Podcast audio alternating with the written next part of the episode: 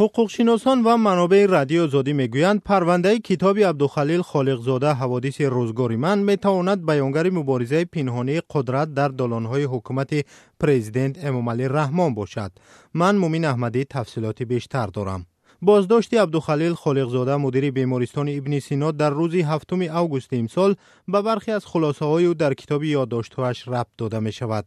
دادگاه عالی تاجیکستان در پاسخش بر رادیو آزادی روز یکم سپتامبر گفت نسبت به بازداشت شده روز 11 اوگوست با در نظر داشتی بند 189 کودکس جنایی پرونده باز و به حبس او همچون چاره پیشگیری اجازت داده شده است. حبس همچون چاره پیشگیری در حالتهای به کار برده می شود که در آزادی ماندن عیبدار شونده برای جامعه و هم پیشبرد تفتیشات خطرناک باشد. با گفته نزدیکانش عبدالخلیل خالقزاده یک وطندوست تاجیک است و در فکر فرار از تاجیکستان نبود. ولی مقامات با حبس او پیام دادند که آزاد ماندنش خطر دارد. یک منبع نزدیک به مقامات دادگاهی تاجیکستان گفت امکان داشت آزادی خالقزاده بر روند تفتیش تاثیرگذار باشد زیرا از دوستان نزدیکی رئیس کمیته دولتی امنیت ملی سید مومین یتیموف و وزیر کارهای داخلی تاجیکستان رمضان رحیم زاده بود.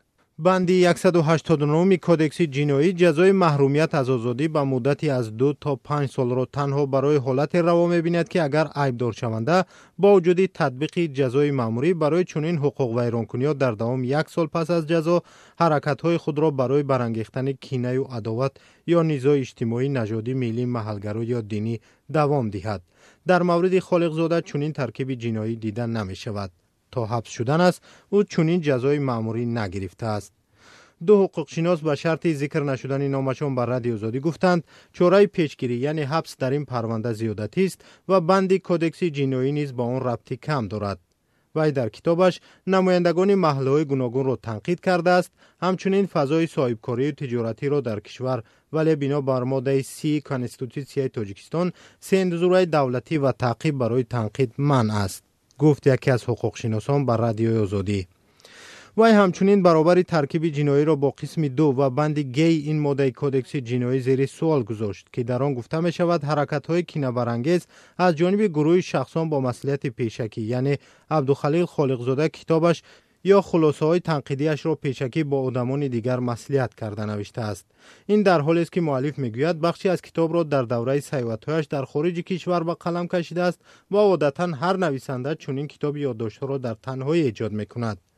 боздошт шудани нависандаи шинохта абдуқодири рустам ки муҳаррири китоб буд ва ҳам борҳо ба бозпурсӣ даъват шудани ашхоси дигаре ки дар чопи китоб даст доштанд.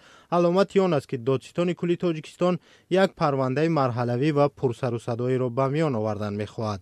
اما یک منبع نزدیک به سطح بالای حکومت تاجیکستان به شرط ذکر نشدن نامش گفت این احتمال هم وجود دارد که زیر عباره از جانب گروه شخصان با مسئولیت پیشکی دوستان خانوادگی عبدالخلیل خالقزاده سید مومین یتیموف و رمضان رحیمزاده نیز در مد نظر باشند.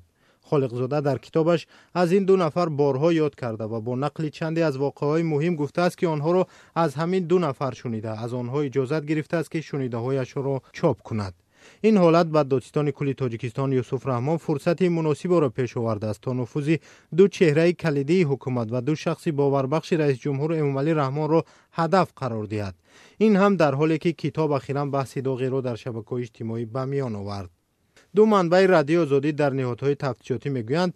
در ابتدا بحث اطراف کتاب خالقزاد خودجوش و بیانگر احساسات یک گروه بود که خود را همچون زاده محلهای معین تحقیر شده می‌دانستند. ولی زمان دادستانی با آن توجه کرد که شهرهای آنها با دستور ماموران کدام پاک کرده شدند. سه نفر از آنها بر رادیو آزادی تصدیق کردند که واقعا ماموران امنیتی با آنها تماس گرفته گفتند که فورا از تنقید خالقزاده دست کشند. منابع رادیو آزادی می‌گویند میانه های ماه یول در نشست در دستگاه رئیس جمهور یوسف رحمان با اشاره به این بحث فیسبوکی کمیته دولتی امنیت ملی و وکیده را تنقید کرده از آنها خواست خالقزاده را بازداشت کنند. ظاهرا با تلاش های یوسف رحمان این بحث از صفحه های فیسبوک به دالان های حکومت کوچید و جدی تر می شود اسفندیار نظر شاعری تاجیک مقیم اروپا که در بحث های فیسبوکی از خالقزاده پشتیبانی کرد در صحبت با رادیو آزادی بازداشتی تاجر و نویسنده را جنگ به مقابل یتیم و رحیمزاده دانست که در آن